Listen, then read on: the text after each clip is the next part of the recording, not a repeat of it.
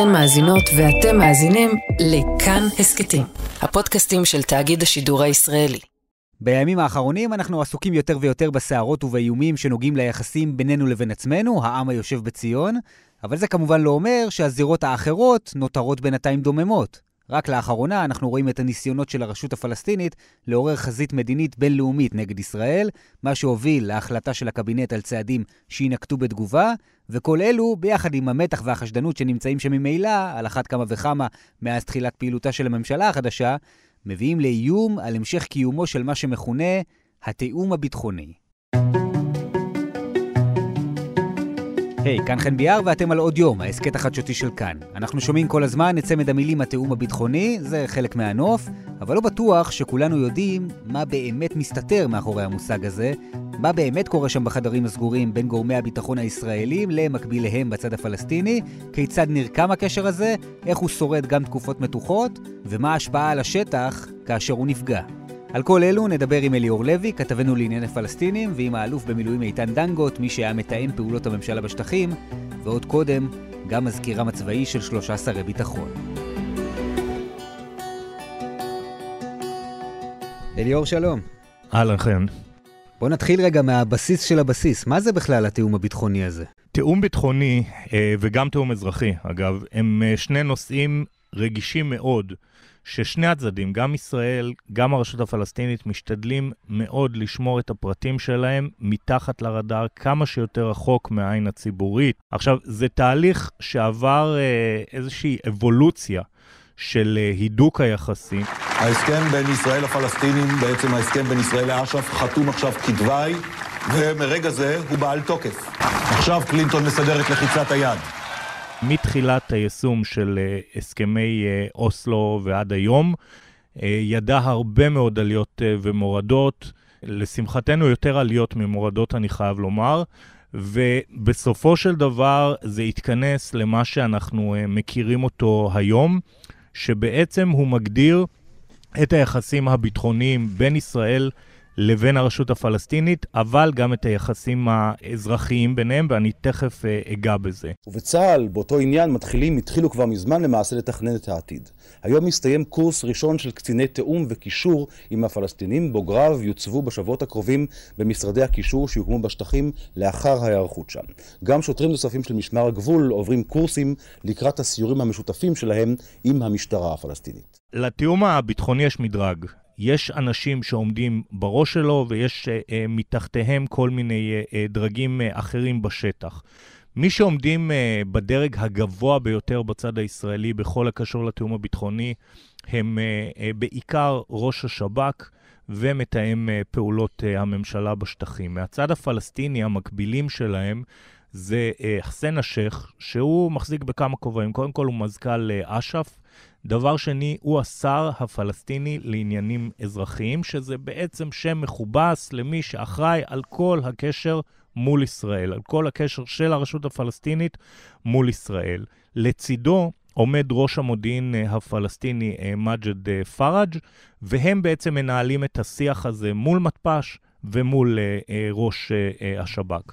עכשיו, מתחתיהם יש גם דרגים, דרגים של שטח. Uh, מפקדי חטיבות בצה"ל נפגשים עם המקבילים שלהם, עם המפקדי חטיבות של הבטח"ל, של הביטחון הלאומי, שהוא בעצם הסוג של מקבילה אה, של צה"ל, והם בעצם מייצרים את כל הלינקג' הזה שקורה אה, בשטח. אלה הפגישות, ובסוף, מכורח הנסיבות, גם נוצרים קשרים אישיים. והקשרים האישיים האלה יוצרים אמון הדדי, והאמון הדדי הזה הוא לא פחות חשוב מהתיאום הביטחוני הכללי, היבש, נקרא לזה ככה. עכשיו, מה זה תיאום ביטחוני? תיאום ביטחוני זה קודם כל מעצר של פעילי טרור. תיאום ביטחוני זה כניסה של כוחות צה"ל לפעילות בשטחי A ו-B. ברגע שהם נכנסים לשטחי A שנמצאים בשליטה של הרשות הפלסטינית, עוד קודם לכניסתם, הם בעצם מודיעים למנגנונים הפלסטינים שהם נכנסים, המנגנונים מתפנים uh, הצידה, צה"ל נכנס, עושה את מה שהוא עושה בדרך כלל מעצרים, יוצא החוצה, המנגנונים uh, חוזרים, כנ"ל לגבי נגיד כניסה לקבר uh, יוסף בשכם.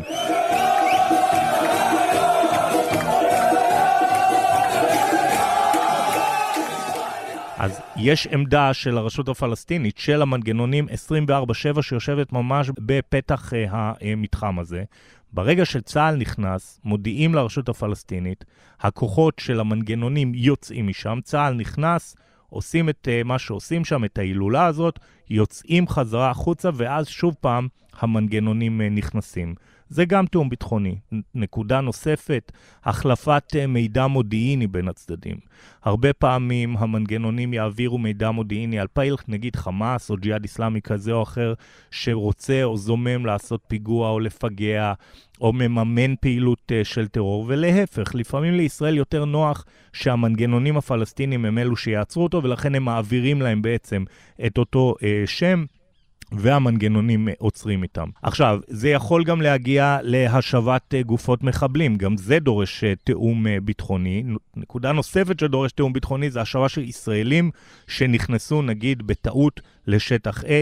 משמיים, השם שלח שליחים, אני לא יודע מי הם, ערבים, הם פשוט שכנעו אותנו להיכנס לרכב. לא יודע, להיכנס, גם כאילו לחצו עלינו, כאילו אין לכם ברירה, משהו כזה. הרוב בערבית, אבל היה כנסו, משהו כזה. פשוט לקחו אותנו לרשות הפלסטינית שם, למשטרה. המנגנונים תופסים אותם, יוצרים קשר עם הצד הישראלי, קובעים באחד המעברים, מעבירים בעצם את אותו ישראלי מהפלסטינים לכוחות אה, צה"ל והמינהל אה, האזרחי. גם זה חלק מהתיאום הביטחוני.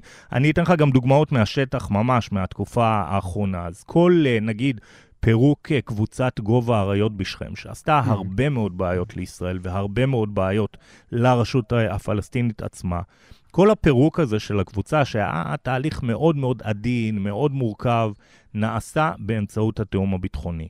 לפני חודש אנחנו חשפנו בכאן חדשות שהמנגנונים הפלסטינים חשפו מעבדות נפץ של שני פעילי ג'יהאד איסלאמי באזור אה, ג'נין, והם בעצם אלו שפירקו אותם, גם זה חלק מהתיאום uh, הביטחוני. אם נלך אולי לדוגמה אזרחית יותר, מקרה קיצון שהיה לנו בתקופה האחרונה, למשל כל עניין השבת גופתו של טירן פרו, שגם פה ראית מהרגע הראשון שיש תהליכים מאוד משמעותיים שקורים מתחת לפני השטח. מעל ארונו של טירן סיפר שוב דודו כיצד ניתקו אותו החוטפים מהציוד הרפואי, וכיצד הוא ואביו נאלצו להימלט בחוסר אונים ולהשאיר אותו מאחור. כעת לפחות גופתו הובאה למנוחת עולמים. זה מאוד מדויק, וזו דוגמה מצוינת לאיך התיאום הביטחוני עובד. כי בסופו של דבר, אתה רק שמעת את התוצאה של הדבר הזה. הכוונה היא שהגופה הוחזרה, אבל זה לא שהגופה הוחזרה, אתה יודע, מכוח עליון. הגופה הזאת הוחזרה בסופו של דבר הודות לתיאום הביטחוני בין ישראל לבין uh, הרשות uh, הפלסטינית, וכמו שאמרתי, יש גם תיאום אזרחי. זה בסוף לא נגמר רק בסוגיות ביטחוניות של מעצרים כאלו ואחרים. תיאום אזרחי זה בעצם כל הסדרת היחסים האזרחיים בין ישראל לבין הרשות הפלסטינית, ויש המון כאלה. למשל, אישורי כניסה לישראל של אה, פועלים פלסטינים, זה תיאום אזרחי. העברת סחורות שמגיעות מחו"ל ומישראל לרשות הפלסטינית, נעשות באמצעות uh, תיאום אזרחי. Uh, דוגמה נוספת מהחיים שחווינו אותם, ואולי אנחנו קצת רוצים לשכוח, אבל מגפת הקורונה הייתה דוגמה קלאסית לאיך התיאום האזרחי עובד בין ישראל לבין הרשות הפלסטינית. ישראל העבירה לפלסטינים מנות חיסון. ומטושים ובדיקות, ונעשו גם uh, uh, סמינרים לרופאים פלסטינים וצוותי רפואה פלסטינים על ידי uh, צוותי רפואה ישראלים. זה כל אה, מה שבעצם כולל את הדבר המאוד אמורפי הזה שנקרא אה, תיאום מזרחי, והוא חשוב לא פחות מהתיאום הביטחוני.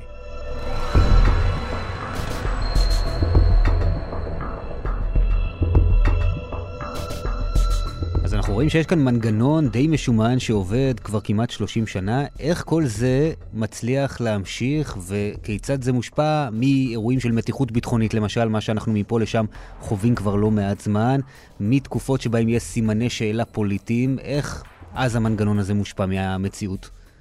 תראה, ככלל הם מנסים כל הזמן, שני הצדדים, צריך לומר, לעשות סוג של בידול בין המצב הפוליטי, המדיני, המתיחות המדינית נקרא לזה, בין ישראל לרשות הפלסטינית, שלא צמחה רק אה, בממשלה אה, הנוכחית שהושבעה רק אה, לאחרונה, ולרוב הם מצליחים גם, הם מצליחים לבודד בעצם את האירוע הזה שנקרא תיאום ביטחוני, לבין uh, הסיפור הזה שנקרא מתיחות או uh, מלחמה דיפלומטית בין ישראל לבין uh, הרשות uh, הפלסטינית. עכשיו, בישראל נוהגים לומר שהתיאום הביטחוני הוא אינטרס פלסטיני, אבל בסוף התיאום הזה הוא אינטרס משותף לשני הצדדים.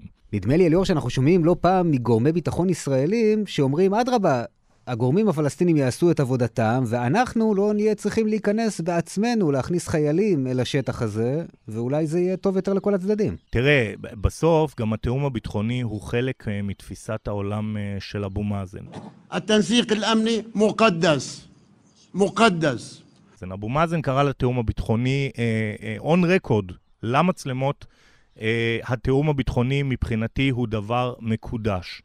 והמחיר uh, שבסופו של דבר הרשות uh, הפלסטינית uh, משלמת עליו הוא גבוה. כולם יודעים שיש תיאום ביטחוני, וכתוצאה ממנו ישנה uh, הסתה חסרת רסן של חמאס נגד הרשות הפלסטינית.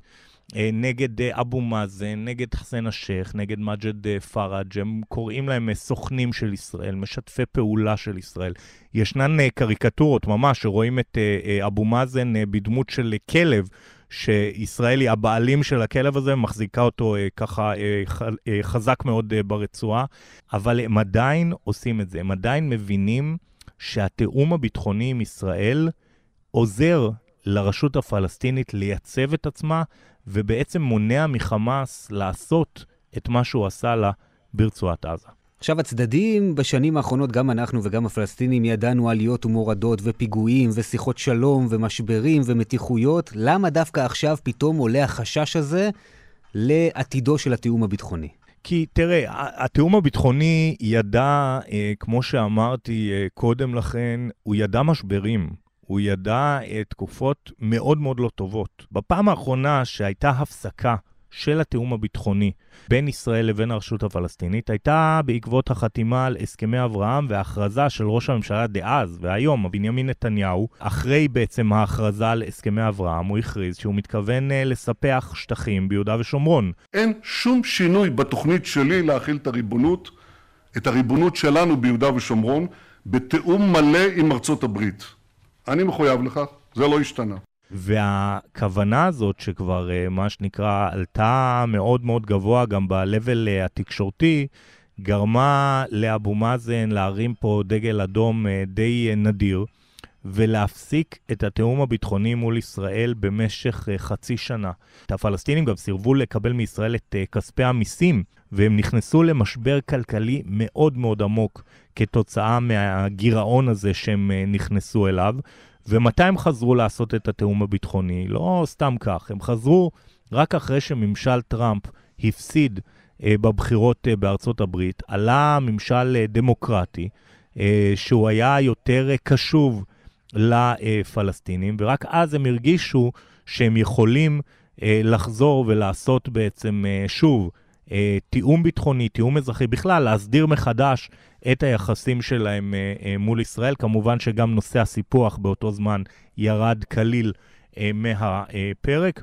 ולכן בעצם אה, צריך לראות את העניין הזה כסוג של אה, אה, נשק יום הדין עבור הפלסטינים, אבל לא נוטים להשתמש בו, זה נכון, אבל כשהם מגיעים לקצה, הם משתמשים בו, הם גם השתמשו בו, אני מזכיר, דוגמה קצת יותר רחוקה, אה, בעקבות משבר המגנומטרים בהר הבית, אה, אותו משבר הוביל להפסקת אה, התיאום הביטחוני, לתקופה קצרה יותר, אבל עדיין הוא הוביל להפסקת התיאום הביטחוני בין ישראל לבין הרשות הפלסטינית. זה יצר דאגה לא מעטה, אני חייב לומר, בצד הישראלי, משום שישראל מבינה היטב, בעיקר מערכת הביטחון, עד כמה יש משמעות לתיאום הביטחוני הזה בינינו לבין הפלסטינים. תן לי ככה את הפרשנות שלך כשאתה צופה לעתיד. לדעתך יש כאן אמירה של תחזיקו אותי, או שיכול להיות שאנחנו בפני עוד תקופה של הפסקת תיאום שתביא למשבר, שתפגע מי יותר מי פחות בשני הצדדים בסופו של דבר?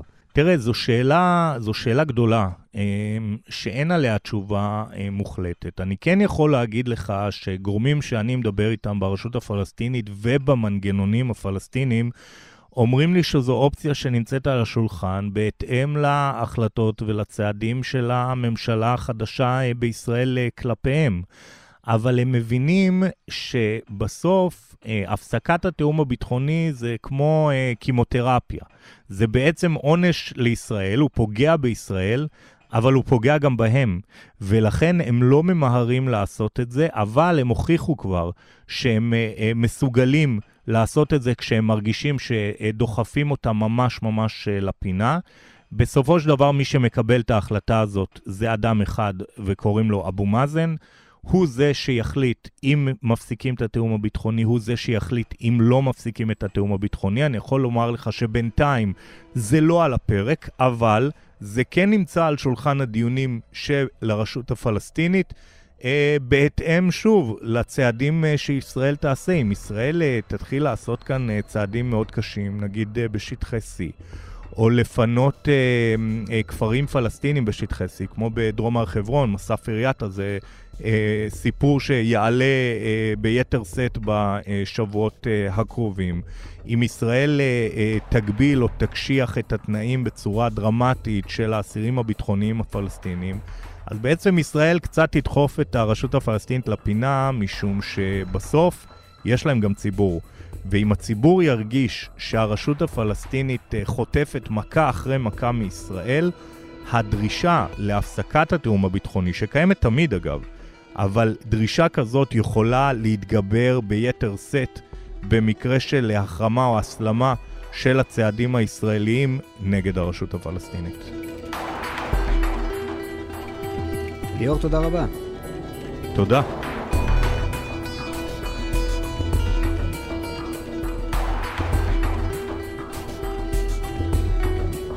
והנה אחד שהיה שם, האלוף במילואים איתן דנגוט היה בתפקידו האחרון במדים, מתאם פעולות הממשלה בשטחים, וגם היה מזכירם הצבאי של שלושה שרי ביטחון, שאול מופז, עמיר פרץ ואהוד ברק, בדיוק בשנות המעבר משלטון ערפאת לאבו מאזן ברשות הפלסטינית, נקודה קריטית גם בכל מה שנוגע לתיאום הביטחוני עם ישראל. איתן דנגוט, שלום. שלום רב חן. קח אותנו רגע לרמת השטח, איך זה נראה במציאות, כל התיאום הביטחוני הזה שאנחנו מדברים עליו כל הזמן? זה האמצעי המהותי והמשמעותי ביותר שיש היום על מנת למצב ולייצב את התיאום בין פעולות צה"ל לבין פעולות הרשות הפלסטינית באמצעות מנגנוני הביטחון שלהם. צה"ל בהקשר של שמירת הביטחון עליו הוא מופקד מעל כל דבר אחר, מבחינתו רשאי לפעול בכל מקום ובכל נקודת זמן, והרשות הפלסטינית שמנגנוני הביטחון עבורה הוא האמצעי הבלעדי לבסס ולהמשיך את משילותה בגזרות. ולכן יש פה, מטבע הדברים, לעתים פוטנציאל לניגוד אינטרסים שיכול לפגוע בצדדים ונפרט בהמשך, ולעתים גם יש מחנה משותף שבהן פעילות של אחד מהצדדים בהקשר מול גורמים משותפים, מבחינה זאת אה, חמאס וכדומה, שמאיימים על הרשות הפלסטינית, או מבחינת מעשי טרור על ישראל, יש פה את ההיבט של התיאום. זה מנגנון למעשה שעבר תהפוכות רבות, ואפשר לקחת אותו כנקודת ציון מרכזית עם התבססותם של אבו מאזן ופיאד באזור 2008, ולהביא אותו לשינוי מגמה מהתקופה שידענו בזמנו של ערפאת, ולקח כמה שנים כדי להתאים אותו. כי אז האמון הפך להיות גדול יותר? לא רק האמון הפך להיות גדול יותר, אלא הבסיס של top down, מלמעלה כלפי מטה, מבחינת ההנחיות, היה פה באופן שונה. אצל ערפאת הוא אמר, נתאם, אבל עם קריצות לטרור, ואצל אבו מאזן חל פה שינוי ותפיסה של תיאום לצורך התיאום, תוך הצהרתו שהוא זונח את הטרור המעשי, משאיר פה את ההתנגדות וכדומה, ואז נוצר פה אותה פעולה שאם היום אתה בא ב-2023 ופוגש מ"פ או אפילו מג"ד, ואולי גם מח"טים צעירים מאוד, הם לא ידעו את המתיחויות המבצעיות ומשברים שחווינו בהקשרי התיאום הזה בעבר, עד שהגענו למעשה למצב של השנים האחרונות. הוא עשה כברת דרך, יש לו עוד מה לשפר, יש להם עוד מה להשתפר, אבל אין ספק שעלו פה בהקשר הזה אה, מספר קומות, ואני אתן לך דוגמאות. השטח של צה"ל מחולק ביהודה ושומרון לחטיבות, השטח הפלסטיני למחוזות. הגורם היחידי בשטח שמבצע ובאמצעותו יש את התיאום הביטחוני כפועל יוצא, כי רק גורם אחד מדבר עם גורם אחד, הוא של מרכזי התיאום והקישור של המינהל האזרחי, שמצויים ופרוסים בכל חטיבה. אבל מהצד השני הם עובדים מול המחוזות הפלסטינים, שלעיתים גם גולשים משני אזורי חטיבות, ולכן אתה מוצא מת"ק בלשון התקציר, או מרכז תיאום וקישור כזה, שעובד מול הגורמים הפלסטינים 24 שעות ביממה, שבעה ימים בשבוע. אם צה"ל מחליט לפעול הערב בשטח מקומי בגזרת חברון, למשל, אזי מתאם המרכז תיאום וקישור של חברון, של חטיבת יהודה, מודיע לפלסטינים על מנת שהם ייכנסו לתחנות בדרך כלל, כדי שלא יהיה חיכוך. יש פה גם עקרונות. העיקרון הראשון, הפלסטינים אינם משת"פים ואין לנו קשרי שיתוף פעולה, יש לנו קשרי תיאום. זה מאוד חשוב בהיבט הלגיטימציה של אותם גורמים שפועלים מטעמם בהיבט של המשילות היומיומית, חוק וסדר, בשטח. החלק השני, הפלסטינים עצמם צריכים לעבור לעיתים אזורים ולחצות פה שטחי B ו-C, הרי יהודה ושומרון, כל הסוגיה הזאת B, C ו-A, היא לא עובדת באיזה סדר לוגי, ולכן חציית שטח כזו נדרשת לתיאום של אותו כוח כדי לא ייווצר פה חיכוך מבחינה זאת מיותר. לעתים גם יש פה את ההקשר של צורך אפילו בפעילות משטרתית של uh, המשטרה על גנבות או על פעולות פשע שאתה מצריך, אז במרכז תיאום והקישור יש גם שוטר. ומטבע הדברים זה תיאום שחלקו מראש, חלקו הוא בזמן אמת, וחלקו גם נוצר עקב התפתחויות כאלה ואחרות, ונוצר פה, מ-2008, אם אני מחזיר אותך, במדרג, שינוי תרבותי מהותי, שבו, אם אני אשווה את זה לתקופתי, אפילו כמ"פ או אפילו כמח"ט, אני הייתי בתותחנים, זה כינויים אחרים, אבל אותם שווה ערך, להקשר הזה, היום קצין בצה"ל מקבל את התיאום הזה בצורה שלנו נראתה פעם בכלל איזשהו דבר אה, שלא לא חלמנו עליו מבחינת היכולת. זה מביא אותך גם ליחסים אישיים. מח"ט בגזרת יהודה ושומרון נפגש לכל המעט פעם בחודש עם מקבילו, מלבד שיחות טלפוניות אה, רבות מאוד שהוא עושה במהלך החודש הזה, וכך אתה יוצר את אותה סיטואציה כבסיס לאותו תיאום. איך היחסים האישיים האלה צולחים תקופות מורכבות יותר? כמו בכל דבר, ליחסים אישיים יש משקל רב של אמון הדדי, של ביטחון בתשובות, של לא לשקר את הצד השני, וניסיון גם לחשוב מתחת למסגרת ולאירועים הכ... כמו שקורים ביחס להתפרעויות וכדומה, איך פותרים את הבעיה. אני ידעתי את זה רבות בתקופתי כמתאם פעולות הממשלה בשטחים, בשיח שהייתי מקיים אותו מול חוסיין א-שייח, אם זה תיאומים אזרחיים, זה בעיקר הגורמים הבכירים, ולמרות מה שקורה בשטח, שלמעשה נוצר של אין תיאום, בפועל שיח כזה אישי עוזר מאוד לפתור גם תחת הנחיות כאלה ולאפשר את אותו דו-קיום, תקרא לזה, תחת שמירת הביטחון. ויש לזה משקל וערך רב לאותו נוהל של יחסים אישיים, של היכרויות, של פתרון מיידי שאתה צריך, של לאתר את הבן אדם ולקבל ממנו את התשובה, וממנו גם לשמוע איך פותרים את הבעיה מתחת לרדאר, מתחת להצהרות רשמיות, שבו משדרים ציבורית, אין תיאור, משבר וכדומה, ובפועל אתה יודע לעשות את זה תחת הבנה של שיחת טלפון, כאשר למטה לא פועלים, אבל יודעים איזה הנחיות וכדומה צריך לתת, ועובדתית, צלחנו משברים כאלה לא מעט בהצלחה, מלבד למעשה הנתק הגדול שהיה במאי 20.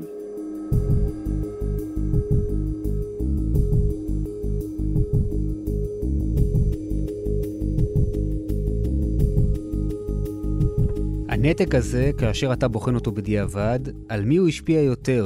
וכפועל יוצא של זה, מי צריך יותר את התיאום הזה, אנחנו או הפלסטינים? תראה, בשורה התחתונה, לשני הצדדים יש פה מחיר הפסד.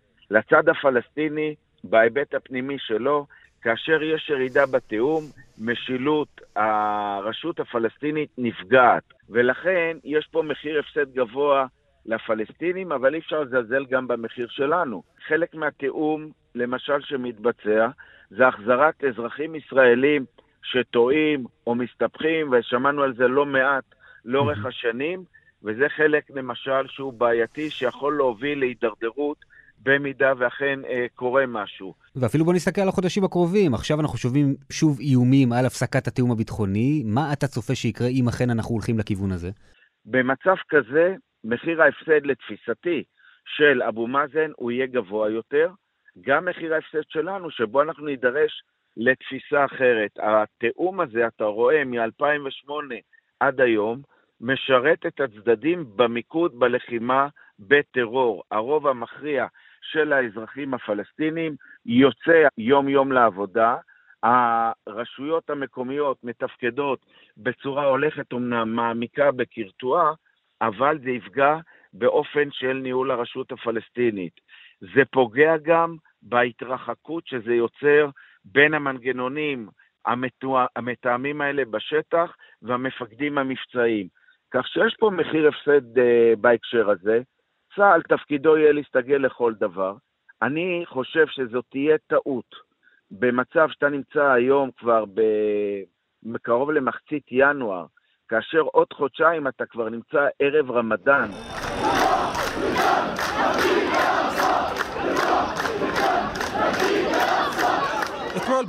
שבו השטח נכנס פה לאיזושהי אה, התרוממות אה, יותר אה, דתית, פתוח יותר להסתה, שגם מגיעה לעיתים ממזרח ירושלים וכדומה, ועם כל ההיבטים של רמדאן זה אווירה אחרת, ברחובות, באוכלוסייה, בסחורות, בפעילות, יש פה סיכון של פגיעה משמעותית שיכולה לפגוע ביטחונית. אתה רוצה לנסות לתת פה הערכה? לדעתך אנחנו הולכים למשבר סביב התיאום הביטחוני, או שיש כאן איומים, אבל בסוף כולם יבינו שהאינטרס הוא גדול יותר?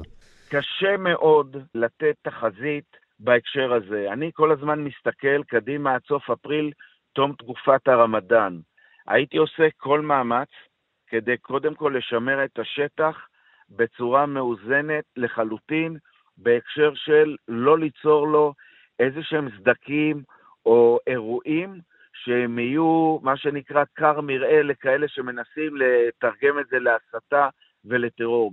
ההחלטות הראשונות שהתקבלו על ידי הקבינט הביטחוני הראשוני, הביטחוני-מדיני, בישיבה הראשונה שלו, בסל אמצעים נגד הפלסטינים על סוגיית ההליכה לבית הדין הבינלאומי בהאג, בעיקר בהקשר הכספים, יפגעו ברשות הפלסטינית, ייתנו את אותותיהם, ויכול להיות שירחק פה יום שבו מערכת הביטחון תבוא תגיד, כמו שהיא עשתה הרבה שנים בעבר, ואני אומר את הדברים בצורה הכי פתוחה, מנגנוני הביטחון הפלסטינים לא מקבל, היום הם מקבלים משכורות חלקיות, אם זה ירד עוד, מקטין מוטיבציה, מקטין את תפקודם, יוצר פה מצב אחר, ולכן בסיכון כזה, זה יגביר את הטרור.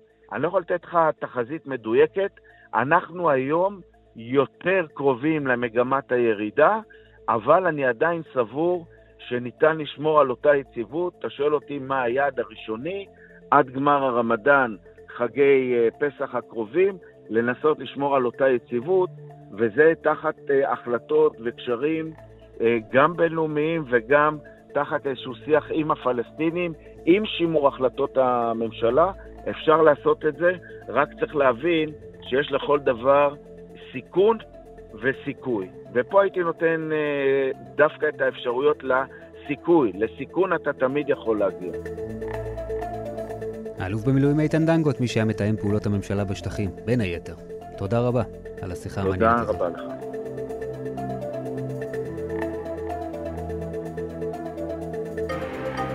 עד כאן הפרק הזה של עוד יום, יותם רוזנבלד ודניאל אופיר ערכו אותו, חן עוז על המיקס והסאונד, אוסקר טרדלר ודני רוקי, ביצוע טכני, על התחקיר בר נחמיאס. כרגיל, אנחנו מפצירים בכם לשתף, ואם אתם מאזינים בספוטיפיי או באפל אז גם לדרג, אפשר להעיר, להגיב, לדון איתנו, קבוצת כאן הסכתים עומדת לרשותכם, ואפשר גם לכתוב אליי בפייסבוק או בטוויטר. פרקים חדשים של עוד יום מתפרסמים בראשון, שלישי וחמישי, כולם כולם וגם הרבה מאוד הסכתים אחרים מבית כאן זמינים לכם באתר שלנו, ובכלל, בכל אפליקציה שבה אתם אוהבים להאזין לפודקאסטים.